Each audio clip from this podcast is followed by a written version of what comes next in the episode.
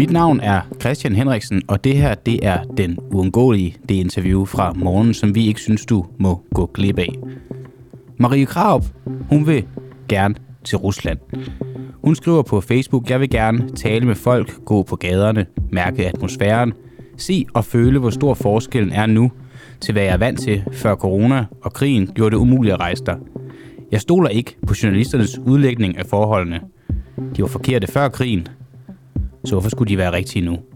Er Marie Krav kommet til Rusland, og hvad er det for nogle udlægninger, journalisterne herhjemme kommer med, som ikke er rigtige om forholdene i Rusland? Det kan du høre en svar på i det her interview. Ja, i sidste uge, der skrev øh, nu forhenværende folketingspolitiker Marie Krav på sin Facebook, at hun har forsøgt at planlægge en tur til Rusland. Hun skriver blandt andet, at jeg vil gerne tale med folk, gå på gaderne, mærke atmosfæren, se og føle, hvor stor forskellen er nu, til hvad jeg var vant til før corona og krigen gjorde det umuligt at rejse der. Jeg stoler ikke på journalisternes udlægning af forholdene. De var forkerte før krigen, så hvorfor skulle de være rigtige nu? Og øh, Marie Kraup, godmorgen. Godmorgen. Er du kommet til Rusland? Øh, ikke endnu, nej. Nej. Det er jeg ikke. Hvordan kan Men det jeg være? kommer det forhåbentlig. Du kommer det. Hvad, hvad er ja. udfordringerne ved det lige nu? Jamen, øh, udfordringen er jo, at der ikke er noget direkte fly, øh, og det er rigtig besværligt at komme afsted, fordi man skal, enten skal man til Beograd eller Istanbul og flyve derfra for at komme ind i Rusland, eller også så skal man til øh, flyve til Tallinn og så tage en bus til St. Petersborg, eller man skal flyve til Helsinki og tage en bus. Så, så rent praktisk er det blevet meget mere besværligt. Og så kan man ikke bruge øh, kreditkort i Rusland på grund af sanktionerne, så det vil sige, at man skal have kontanter med. Og det er nok øh, mest det, der har holdt mig tilbage, det er at rejse rundt i, i busser gennem Rusland, når øh, man har en masse kontanter på sig. Ah ja. Det er en lidt øh, usikker situation, når man er øh, en gammel kone som mig. Så vil man i hvert fald gerne have nogen andre at følges med. Så det er sådan lidt det, det hænger på. Ja, den del kan jeg jo sådan set øh, godt forstå, at det også er lidt, lidt bøvlet. Øhm, du skriver jo her, jeg stoler ikke på journalisternes udlægning af forholdene. De var forkerte før krigen, så hvorfor skulle de være rigtige nu? Har du nogle eksempler på noget, som journalisterne her i, i Vesten og i Danmark sådan dækkede forkert før krigen? Nej, det er ikke sådan faktuelt forkert på den måde. Det er, at den her stemning af, hvordan Rusland er, og hvad russerne mener, den er øh, sjældent blevet formidlet, jeg vil sige nærmest aldrig. Altså, jeg har jo så øh, det særlige forhold, at jeg taler russisk og har arbejdet med Rusland og boet derovre, øh, og, og jeg har haft øh, forholdsvis tæt kontakt til Rusland i mange, mange år. Og øh, der har jeg bare igen og igen oplevet, at det billede, man får tegnet herhjemme via øh, journalisterne, det ikke svarer til det, jeg oplever, når jeg kommer derover. Altså øh, den der sådan, tristesse og angst og øh, modløshed eller vrede over for Vesten, som man, som man kan læse om, øh, journalister udlægger, den, den oplever jeg bare overhovedet ikke, når jeg er derovre. Og det synes jeg er en, en vigtig ting. Og lige nu synes jeg, at det er helt vildt vigtigt at finde ud af, hvad russerne egentlig mener. Fordi vi må jo håbe, at der snart kommer nogle forhandlinger, så at den her krig kan sluttes. Øh, sådan at man kan... Øh, altså, der, der mener jeg, i den forbindelse må det være helt vildt vigtigt at finde ud af, hvad Rusland mener officielt selvfølgelig, men det er sådan lidt, lidt lettere, for der kan man læse øh, udenrigsministerens øh, interview og øh, udtalelser fra Kreml, ikke? Men de kan jo kun komme med ting, som også bliver bakket op i befolkningen. Så det der med at finde ud af, hvad befolkningen egentlig mener, altså synes de, det er okay, at der er den her krig, eller synes de ikke, det er okay? Det synes jeg er helt vildt vigtigt. Og der synes jeg ikke, man får et indtryk. Altså, der, øh, hvor mange artikler læser vi om folk øh, holdninger i Rusland? Vi læser jo ikke nogen, fordi de danske journalister er jo taget hjem. Så vi ved jo ikke, hvad der, øh, hvad der sker øh, blandt eller i den almindelige russiske befolkning. Om de har mistet tålmodigheden med krigen, eller om de ikke har. Der er jo selvfølgelig nogle journalister, der er taget hjem. Der er jo også nogle, øh, som er telekimer, der ikke må rejse ind i landet. Men Ja. øh, Marie Krab, ud af de øh, russere og mennesker, du hører fra. Øh, hvad er så dit indtryk af, hvad deres holdning er til, til krigen og det, der foregår? Altså dem, som jeg personligt kender, og som jeg har haft kontakt til, de var jo fuldstændig chokeret i, over, at krigen kom. Fuldstændig. Øh, og skulle bruge et godt stykke tid på altså at, øh, ligesom at sluge den kamel. Og øh, da de så havde slugt den, så, så, var, så reagerede de meget forskelligt. Altså, der var nogen, der øh, demonstrerede om rasende, og så var der nogen, der sagde, ved du hvad, det her, det kan godt være, at det er træls, men øh, når vi, lige når vi har tænkt det igennem her, øh, så vil vi også godt se, at det er nødvendigt. Og så bakker de op. Hvad var deres argumenter altså, for, at det var nødvendigt? Øh, hvad hedder de, øh, forsvaret af øh, befolkningen i Østukraine, som de jo har meget tæt på. Altså en af dem, jeg kender, øh, har øh, flygtninge fra Østukraine øh, indkvarteret i sit øh, nærområde og taler jo med dem dagligt. Altså, og det er jo folk, der er kommet øh, for, for lang tid siden. Øhm, så, øhm, og det er det ene, og så det andet, det, det her med, at øh, NATO udvider og udvider og kalder sig en forsvarsalliance, men vi kan jo se, at det er de ikke. De er jo en angrebsalliance. Ikke? Altså, der er frygten for NATO. Så de, de to ting, øh, som de selvfølgelig havde håbet, man kunne løse på andre måder, fordi de har godt været klar over, at der var de her problemer, men de har ikke troet, at de skulle løses med en, eller at, at det, der ville komme den her reaktion med en krig. Men efter det så ligesom er sunket ind, så støtter de. Og det gør de stadigvæk. Og det er derfor, jeg synes, at det vil være så interessant at komme over og have mulighed for at gå rundt og snakke med almindelige mennesker, og så spørge dem, hvad mener jeg egentlig? Altså især her efter mobilisering, hvor det også ser ud som om, at der har været den her reaktion med, at nogen er blevet virkelig vrede og rejst ud af landet. Ikke? Men rigtig mange bliver og bakker op. Og, og der synes jeg, det må være enormt vigtigt at få dækket, eller i hvert fald få afdækket, hvor er russerne henne, når der kommer en forhandlet løsning? Hvilket mandat kan vi så forvente, at øh, de russiske forhandlere handlere egentlig har med? Og, og det kan jeg bare ikke se blive dækket. Synes du øh, egentlig også, fordi man hører meget om, at det både er øh, dem, der øh, tager afsted fra Rusland og, og flygter, det er jo øh, alt fra øh, øh, intellektuelle mennesker til oligarker til, til mange forskellige øh, typer, der tager afsted. Synes du egentlig også, at krigen var nødvendig? Jamen altså, det har jeg jo egentlig nogen holdning til, fordi nu er det ikke mig, der sidder i Kreml og skal bestemme, hvordan man laver det her. Man kan sige, at altså, der var aldrig noget, der er nødvendigt. Det var altid en beslutning. Og jeg havde heller ikke forventet det. Jeg havde forventet, at man ville forsøge at løse det på en anden måde. Øhm, så, så altså, og der har jo været en diskussion i Rusland i, i en periode om, hvad man skulle gøre, fordi der var blandt øh, langt de fleste en erkendelse af, at der var de her problemer. Altså at man måtte være nødt til at gøre et eller andet for at få Vesten til at indse, at der var problemer i Østukraine, og der var et problem med, at NATO blev med at udvide.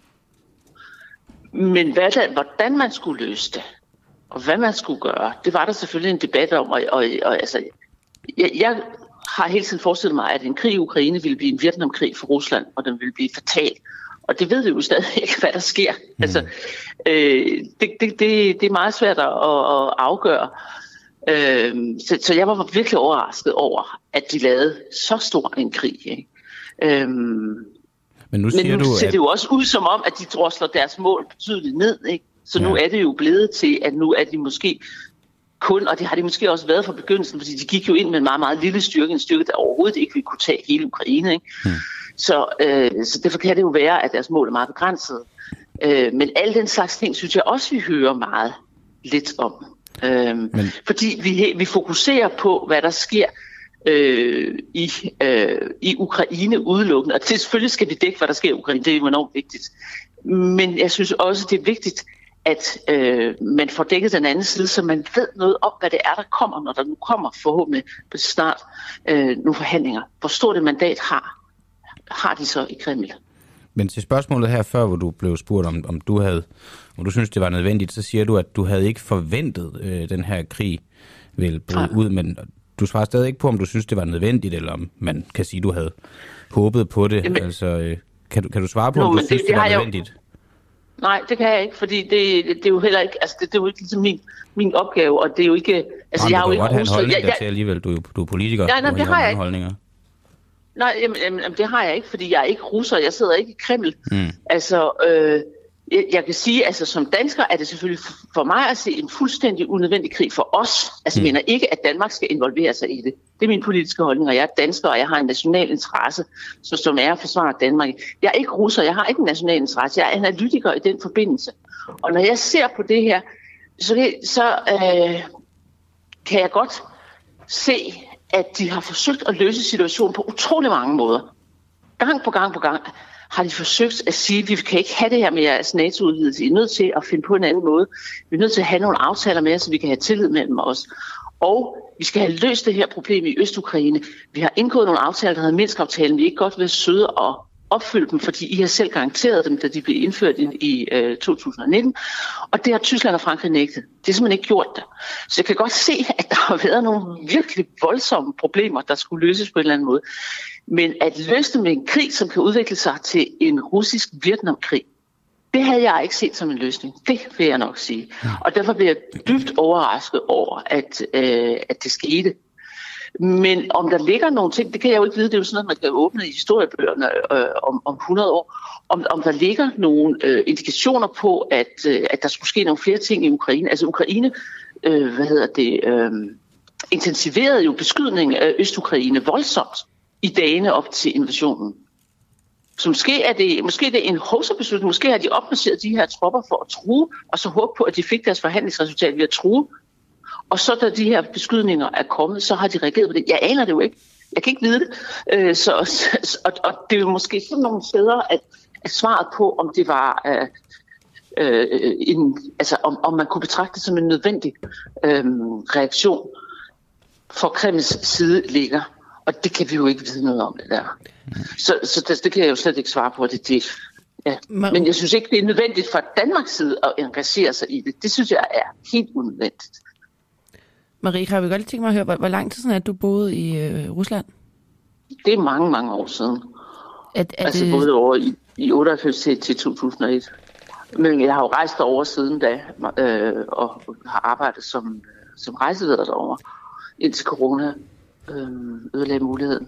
Jeg kunne bare godt tænke mig at høre, om, om du sådan, øh, selv har set en ændring i, øh, i Rusland, altså øh, både med folket og, øh, og den øh, folkestemning, der har været, og at man ja, også hører at der, der er blevet mere lukket. Det, det gad jeg egentlig bare godt lidt høre om, hvad, hvad du har oplevet der. Øhm, nå, der, der er sket nogle kæmpe ændringer i den periode. Jeg har kendt Rusland, altså de er jo blevet rige øh, i forhold til, hvad de var før. Altså 90'erne, det var katastrofalt fat. Altså det var simpelthen så sørgeligt øh, at opleve den fattigdom der, og nød, der var der. Og så til, øh, til nu, hvor, hvor de jo er meget, meget, meget mere velhavende, selvfølgelig først og fremmest i de store byer. Så det er jo en kæmpe forskel. Altså, de rejser ud i verden og altså, ja, lever et fuldstændig andet liv. Øhm, med hensyn til det der med den politiske undertrykkelse, så er der øh, øh, mange af dem, jeg kender, som overhovedet ikke tænker på det. Altså, det, det vedkommer dem slet ikke. De er helt ligeglade. De har deres eget gode liv med deres arbejde og deres studier, eller hvad de nu har. Og det er det, som er vigtigt. Og om man kan sende et læserbrev eller ej, det er de, altså, når man spørger dem om det, så, så skal kigge de på mig, så må det oversøge. Er det fordi, de slet ikke går op i, i politik, eller ja, er fordi, at de ikke er kritiske over for... Øh det er fordi, de ikke går op i politik, og det er fordi, de ikke er... Jo, de kan godt være kritiske over for Putin, men, men mange af dem, jeg kender, de stemmer jo på Putin gang på gang. Øh, fordi de synes, de synes, at Vesten er troende. Det er der i hvert fald nogen af dem, der siger. Og der føler de, at øh, sådan en som Putin er bedst til at beskytte men altså, jeg har også bekendte, som siger, at altså, de ville da gerne have, at de havde, havde sådan et system, som man har i Vesteuropa. Men det kan bare ikke lade sig gøre i Rusland, og efter deres mening. Og derfor ser de øh, Putin, som godt nok er, altså som de måske ser ned på, som en ikke særlig øh, spændende eller øh, altså man siger, kultiveret person, så ser vi ham alligevel som en, en, øh, en god præsident, fordi han har den styrke, han har, og viser, at han vil sørge for, at Rusland bliver ved med at være stærkt. Og der skal man også tænke på, at russer, øh, russerne har øh, en anden tankegang. De er meget bange for kaos og krig. Det er virkelig to ting, som de øh, har levet med de sidste 100 år flere gange. Altså kaos, hvor staten bryder sammen, og hvor der så opstår fattigdom og konflikter, eller krig, som de jo havde. Altså, der var jo ikke noget land, der led så store tab i befolkningen som Sovjetunionen. Så de har en kæmpe angst for de to ting, og det er jo ting, som vi slet ikke er bange for. Vi er bange for mangel på demokrati, og vi er bange for øh, hvad hedder det, øh, etnisk forfølgelse, altså sådan noget jødeudryddelse. Ikke? Det er ligesom de to ting, som vi synes er helt vildt forfærdelige. Men hos dem, der er det kaos og krig. Og det vil sige, at de har en meget større tilbøjelighed til at sige pyt med, om vi har frihed. Det er jo ikke så vigtigt, for det vigtigste er at undgå kaos og krig. Så de tænker på en anden måde, så derfor Putin han ser helt forfærdeligt ud fra vores side, men fra deres side er det ikke nødvendigvis så slemt. Og nu, godt, nu kommer en masse generaliseringer, fordi det er selvfølgelig ikke sådan, alle russere tænker, men i nej, højere grad, selvfølgelig. de gør. Jeg tænker bare alligevel, det er jo så med, med, med mine øjne her fra Danmark af, at hvis det, de gerne vil undgå, det er, det er kaos og krig, så vil jeg da som russer være ret ærgerlig over øh, Ruslands indtrængen i Ukraine, og det, det har medført ja. af konflikter og, og potentielle øh, ja, fremtidige konflikter også. Øh, men hvordan, hvordan ser de på det? Jamen, det er jo det, jeg gerne vil over tale med dem om. Det er jo mm. lige præcis derfor, jeg siger, at jeg synes, det er så vigtigt, at, at der er nogen, der dækker det her. Men altså, skal jo også huske på, altså, at i hvert fald i lang tid indtil den der delvise mobilisering, der føltes krigen jo langt væk. Altså, det føltes jo lidt som Irak-krigen gjorde. Altså, i Danmark gik vi jo ikke rundt og tænkte, uha, hvor er det dog uhyggeligt i krig, dengang der, der var Irak-krig. Vel? Altså, der var jo masser af mennesker, der overhovedet ikke lagde mærke til det. Altså, øh, så, så det har også for, for, for, for mange russere, tror jeg, føltes rigtig langt væk. Mens nu, hvor der er kommet den her delvise mobilisering, så er der jo folk, måske som de kender, der er blevet indkaldt, ikke? og der er jo blevet dannet sådan nogle netværk, hvor man hjælper soldaterne med at få bedre udstyr. Øh, så der er også sådan en civil øh, samfundsreaktion øh, på på krigen i Ukraine. Så nu er det noget helt andet. Nu er det blevet en meget mere folkelig krig. Og jeg vil også sige, hvis du ser talkshows og sådan noget fra Rusland, så bruger de jo ordet krig. Altså i begyndelsen var det jo sådan noget, altså det skulle hedde en, en øh, særlig øh, militær operation. Ikke? Og, og nu kan du høre masser af de der kommentatorer, som siger krig. Øh, vi har en øh, lytter her, der hedder Jesper Thomas Færlund Larsen, der skriver, kan man sige og mene, hvad man vil i Rusland? Nej, spil, Så er den debat ligesom lukket. At være journalist i Rusland er at være jæget vildt. Alt det forsagte bag og dårlige undskyldninger øh, er ikke rart at lytte til. Ja, det synes jeg er et fuldstændig grotesk øh, argument, fordi der er jo masser af steder, hvor der ikke er ytringsfrihed. Det er der jo heller ikke i Kina, der er der ikke mange lande i Mellemøsten. Betyder det så, at vi ikke må vide, hvad der sker? Og det synes jeg er fuldstændig grotesk. Fordi vi har jo ytringsfrihed i Danmark, det vil sige, at man vil jo stadigvæk kunne sende, øh, sende historier hjem. Så øh, altså det, det er jo ikke en undskyldning for, at vi ikke ved, hvad der foregår i et andet land. Så så lukker man jo bare øjnene og bliver dum. Men, men du er enig i det her med, at, øh, at altså, journalisterne i Rusland kan jo ikke på samme måde, oh, som ja, de kan sige, man vil. Selvfølgelig, selvfølgelig. Ja, ja, ja. Der, altså Rusland er jo ikke et demokrati. Det er jo et autoritært styre. Der er ikke ytringsfrihed og demokrati, nej. Øh, Marie Krab, du har også været øh, forsvarsattaché på den danske ambassade i Moskva. Og, og der er bare lige noget, jeg godt øh, kunne tænke mig at spørge om, og det, det, det er okay, hvis du ikke vil snakke om det, men jeg vil bare lige spørge, fordi for nogle år siden, øh, der tror jeg, det var Radio 24 der var ude og, og snakke om det her med, at du skulle være blevet været, øh, eller forsøgt været selvfølgelig, øh, af russiske efterretningstjenester øh, hvor du også sagde, at du blev udsat for et værvningsforsøg, og du ligesom meddelte alt til øh, de danske efterretningstjenester. Øh, jeg ved ikke, om du har lyst til at prøve at fortælle, hvordan det foregår, da de prøvede at værve Nej, nej, det har jeg ikke, men, men, øh, men, men det er jo korrekt. Altså, det er jo må sige, desværre øh, ikke usædvanligt, at diplomater forsøges værvet af, af efterretningstjenester, og det sagde jeg jo selvfølgelig pænt nej til. Og, øh, og hvis du er interesseret i at høre mere om det, så kan du ringe til FI og få øh, bekræftet, at, at det er korrekt. Øh, men, men, men selvfølgelig har jeg ikke øh, lyst til at fortælle yderligere. Det var ekstremt ubehageligt. Øh, men, men, men det er jo sådan noget, der, og det, det, det kan selvfølgelig også ske blandt øh, journalister og så videre. Og det er jo ikke øh, særlig rart. Men, øh, men som sagt, så, så var det noget, jeg takkede pænt nej til, for der er noget, jeg ikke vil, så er det ved spion. Øhm. Men jeg vil meget gerne have oplysninger fra, fra begge sider. Hvordan får du bedst de øh, oplysninger? Jamen lige nu er det jo det, man støder, man støder øh, hoved mod mur. Altså, øh, dengang vi havde Krimkrisen, øh, der blev jeg også så irriteret over den øh, informationsstrøm, vi fik fra, fra Rusland. Altså, jeg synes, det virkede, altså, jeg havde svært ved at tro på, på mange af tingene, og derfor tog jeg simpelthen selv over og snakkede med folk. Og, og det, øh, var det, jeg havde tænkt mig at gøre her. Og så har jeg så bare opdaget, altså det er jo det er meget mere besværligt, det er meget mere dyrt, og ja, det er rigtig svært at komme afsted. Ikke? Men jeg vil sige, jeg vil jo også rigtig gerne til Ukraine, og jeg har faktisk fået, efter det opslag, jeg har fået så mange henvendelser fra, fra folk, som godt vil hjælpe mig med at, øh, at komme afsted, både til, til Rusland, folk, der gerne følges med mig derover, og også til, til Ukraine. Ja, det var så. faktisk det næste, jeg nemlig vil komme ind på, ja. øh, fordi Øh, nu, jeg kan jo faktisk lige lave en lille serviceoplysning. Jeg var der øh, to uger øh, i Kiev her i, i sommers, ja. og øh, det er jo heller ikke øh, helt specielt let at komme til Ukraine. Jeg tror, som ja. jeg husker det, der fløj jeg først til, øh, til Polen, og så øh, tog jeg et øh, tog øh, ned til grænsen, øh, til ja. byen, jeg aldrig har kunne udtale, selvom jeg nu har været der et par gange. Øh, Presmyssel kalder jeg det bare. og så ja, ja. der er en meget, meget lang paskø, og så tager man et øh, 13 timer, eller så er det 15 timers tog, øh, uden internet eller noget, igennem øh, op til Kiev. Så øh, det, det er lidt af en tur, men øh, ja, der var faktisk ikke rigtig nogen problemer på vej. Altså, det må jeg alligevel sige. Det var, øh, det var ret øh, smertefrit. Men øh, hvad er det, du gerne vil, vil, vil finde ud af med at tage til Ukraine? Jeg vil sige, øh, altså Ukraine er der jo masser af journalister i, og vi får øh, rapporter der dagligt, så man ved jo formentlig, hvordan det ser ud. Dog fik jeg af en forretningsmand, der lige har været derovre, at vide, at han sagde, altså, at han kørte rundt i store dele af landet og sagde, at overhovedet, altså, der, der var, kunne han ikke se noget som helst krig, noget som helst militært materiel. Øh, altså, så, altså, så han sagde, i, at, Ukraine, altså, øh, i, i, i Ukraine, ja. Altså han så ikke noget øh, overhovedet øh, militær? Nej, han, han sagde, han synes ikke, der var den store forskel fra, fra før krigen i store dele af Ukraine. Og det overraskede mig helt vildt, at man kunne sige det. Og han havde, altså det er så, det er så, øh, er det så halvanden måned siden, han har været derovre. Altså det var nok 3-4 øh, uger siden, jeg snakkede med ham, der var han lige kommet hjem. Nu skal jeg ikke kunne sige, hvordan øh, det var før. Jeg vil være Nej, med, men det overrasker ja. mig bare. Men, men det, som jeg ville gøre, nu ved jeg ikke, om du taler russisk eller nej, ukrainsk. Det, det gør jeg ikke, nej. Fordi det har jeg jo oplevelse af, at det gør bare en kæmpe forskel. Altså, det gør en kæmpe forskel, at du kan gå hen på en café og sætte dig ned og snakke med folk. Altså, det, det, det er noget helt andet, end du kommer og, og skal have en tolk med og skal have det hele, fordi så, så kommer der en større afstand.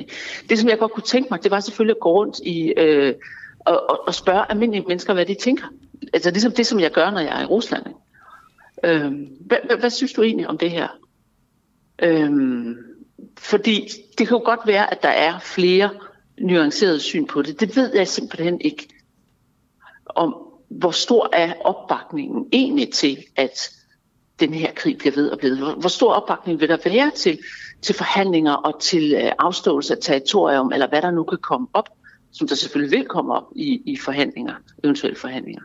Det synes jeg vil være vanvittigt spændende at finde ud af, og det synes jeg kan være svært at vide, øh, fordi vi får den officielle side fra Ukraine, og når ukrainerne bliver interviewet på gaden, så kommer de selvfølgelig også med den officielle udlægning, fordi det er meget svært at sige andet til en vestlig rapporter. Øh, fordi der også, altså, man, man bliver jo sat i fængsel for forræderi, hvis man, altså, man skal passe på, hvad man siger, er mit indtryk. Tror du, der er flere, der har den holdning, at, vi skal, at de skal afstå nogle territorier, end vi, end vi lige hører om?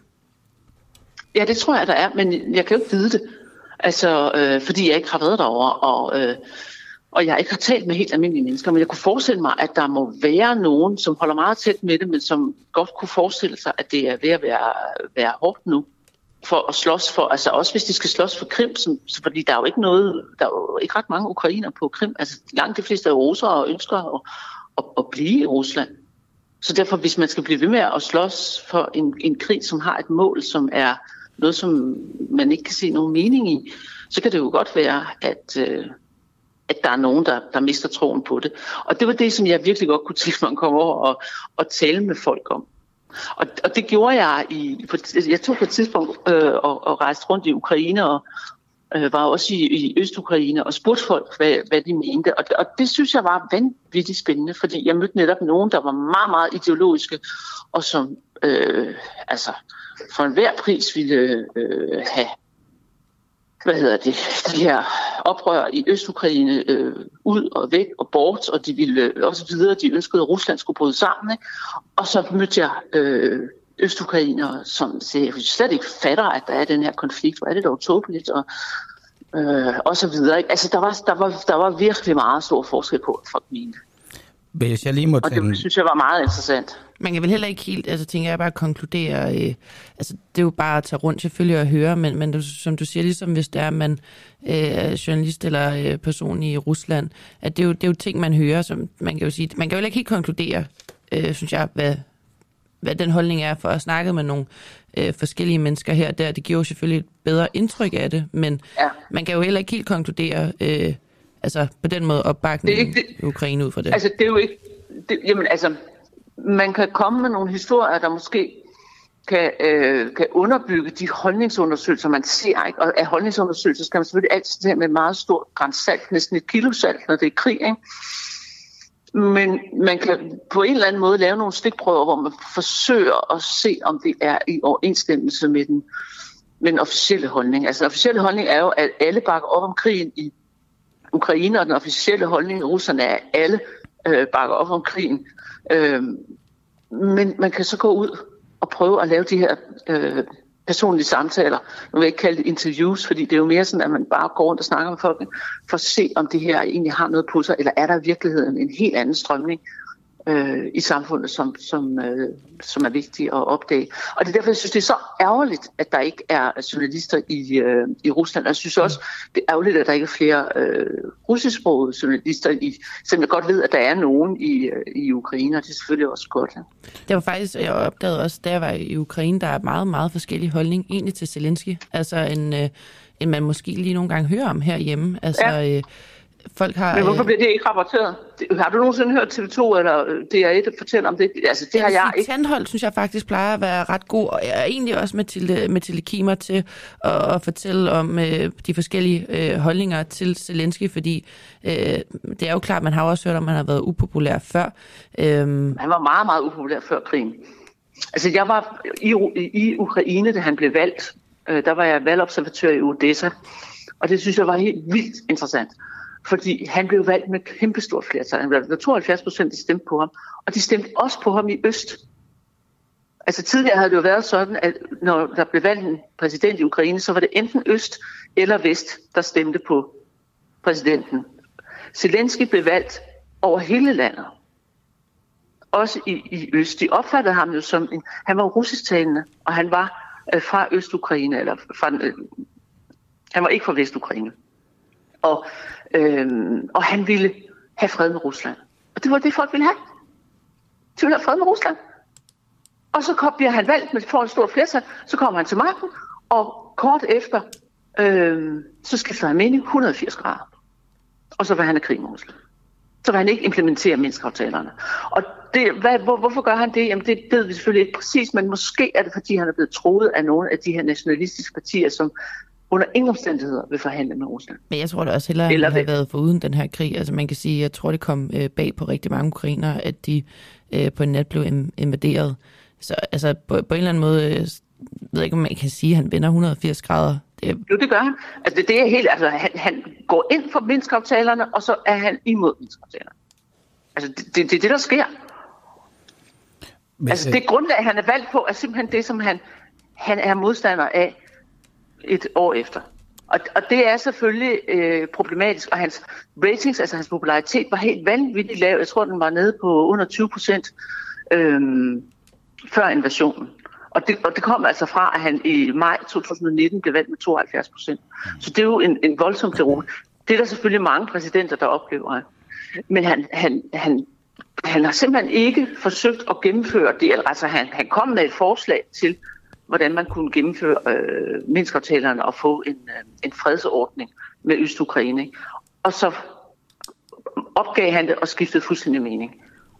Hvis jeg lige må tage, tage det her tilbage til, hvor det var, vi startede, det var jo med, at du gerne vil øh, til Rusland. Nu ved jeg ikke, hvor, hvor langt du er fra det nu. Du siger, der er folk, der har skrevet og sagt, at øh, de gerne vil hjælpe og gerne vil tage med osv.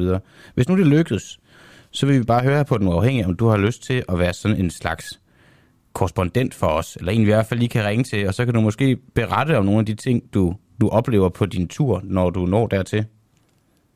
Altså jeg vil hellere gøre det, når jeg kommer hjem. Okay, jamen, så tager vi den der. Marie Krav, øh, Øh, ja, ja, det det blev jo lidt længere interview, det længere interview end vi havde regnet med. Ja. Det, det, ja. det er jo bare uh, spændende at høre, og, og egentlig også tale med dig om de her ting. Så uh, tusind tak, fordi du havde lyst til at være med. Og Jamen, selv weekend. tak. I lige måde, tak. Tak til Marie Krab, og tak til dig, fordi du lyttede med. Hvis jeg lige må anbefale et andet interview fra morgens udsendelse, så er det med dyrlægen i Givskud Zoo. Hun har slået Frida, en kæmpeodder, ihjel. Frida blev 13 år, og det blev et ret følsomt interview om, hvad det er, Frida efterlader sig. Det vil jeg bare lige råde dig til også at høre. Ha' en god weekend. Har lige lyttet til den uundgåelige fra den uafhængige. Tak til vores medlemmer for at gøre det muligt. Du kan støtte kritisk og nysgerrig journalistik ved at blive medlem på www.duah.dk.